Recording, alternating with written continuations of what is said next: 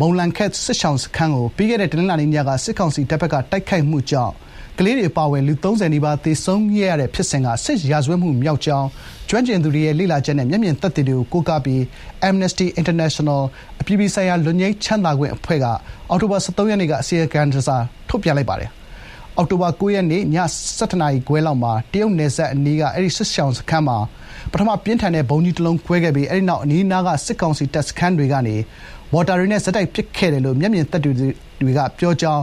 Amnesty International ရဲ့ အစီရင်ခံစာမှာ ဖော်ပြထားပါတယ်။စစ်ကောင်စီဘက်က ဒီတိုက်ခိုက်မှုကို ငြင်းဆိုပြီး အမိုနီယမ်နိုက်ထရိတ် ယမ်းသိုလှောင်ရုံ ပေါက်ကွဲတာလို့ အောက်တိုဘာ ၁၁ ရက်က သတင်းထုတ်ပြန်ခဲ့ပေမယ့် ဒီပေါက်ကွဲမှုဟာ ယမ်းသိုလှောင်ရာနေရာ ဖြစ်နိုင်တဲ့ မဖြစ်နိုင်တဲ့ပုံမှန်ယာဉ်အသွားအလာရှိနေတဲ့နေရာမှာပေါက်ကွဲခဲ့တာဖြစ်တဲ့အပြင် အချိန်ကိုက်တိုက်ခိုက်ခဲ့တဲ့လက္ခဏာတွေတွေ့ရတယ်လို့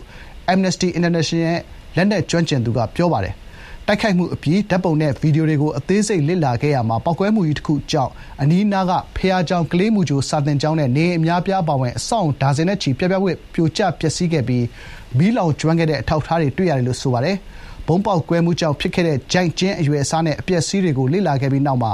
ဒါက စစ်ကောင်စီစစ်တပ် အသုံးပြုလေ့ရှိတဲ့ လေကြောင်းကနေ ပစ်ခတ်နိုင်တဲ့ ကြီးမားတဲ့ ပြင်းထန်တဲ့ ဗုံးအမျိုးအစားနဲ့ ကိုက်ညီနေတယ်လို့ Amnesty International က ပြောပါတယ်။